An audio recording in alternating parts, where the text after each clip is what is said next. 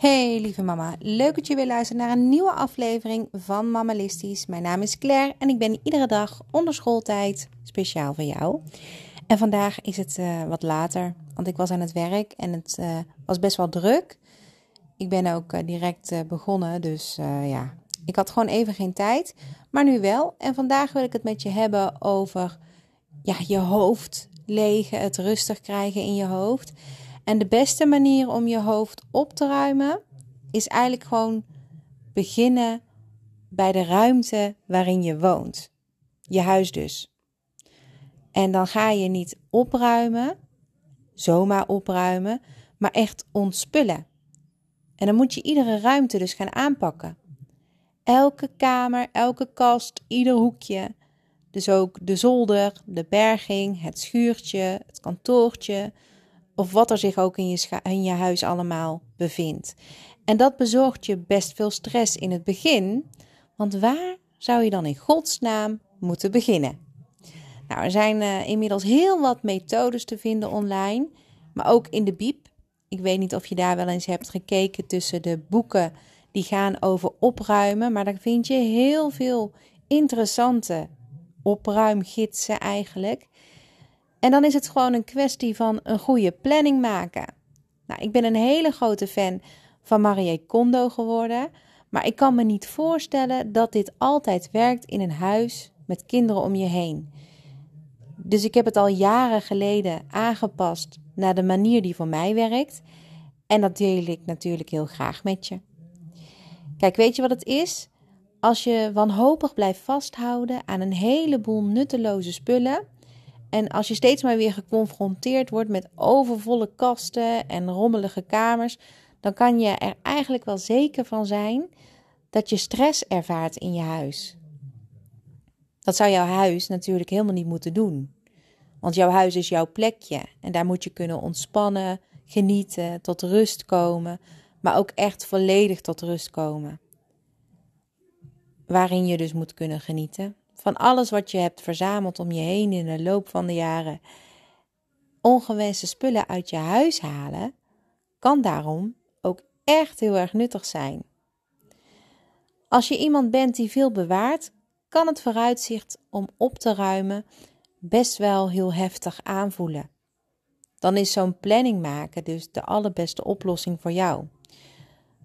Maar ook als je veel werkt, als je kinderen hebt en er maar weinig tijd is het gewoon aan te gaan. En alles maar gewoon op te ruimen en het grote ontspullen op te delen in kleine stapjes is dan juist een, een, een oplossing op jouw probleem.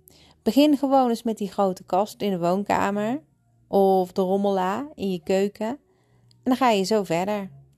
Nou, ik trek elke dag, nou ja, ik probeer het in ieder geval, trek ik een uurtje uit voor mijn huis. En daarin doe ik dan de was en de dagelijkse taken. Ik hou dan ook altijd een beetje tijd over voor ontspulmomentjes. De ene keer ga ik aan de slag in de keuken en een andere keer in de badkamer. En ik doe dat eigenlijk nooit met kinderen om me heen. Want dat geeft me dan afleiding en stress.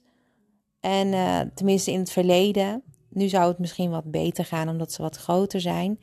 Maar uh, ik vind het geen aanrader. Ik maakte er juist echt een momentje van. Een soort van stilte momentje. En dat doe ik nog steeds. Ik zet dan ook geen radio aan. Zoals nu waarschijnlijk hoor je hem op de achtergrond. Ik heb dan ook geen televisie aan. En dan ga ik lekker mijn eigen gang. Maar ik hou wel een bepaald schema aan. Zo start ik altijd met de kleding. Want het weer verandert heel erg vaak. De seizoenen komen steeds voorbij. En dan mag de inhoud van de kasten weer worden aangepast. En textiel is ook echt de allergrootste troepmaker in huis. Kijk maar eens om je heen. Of in de kamers. Dus uh, dat elimineer ik dan heel erg graag.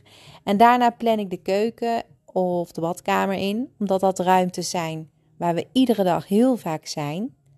En eigenlijk ook de hele dag door is daar iemand aanwezig, ook in de badkamer bij ons.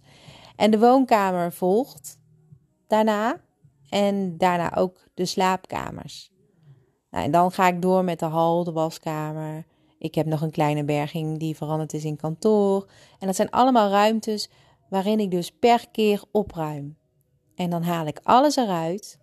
Dan maak ik het schoon. Dan maak ik categorieën van de spullen die ik tegen ben gekomen. En dan zet ik het terug op een vaste plek. En dat klinkt dan super handig en, en simpel.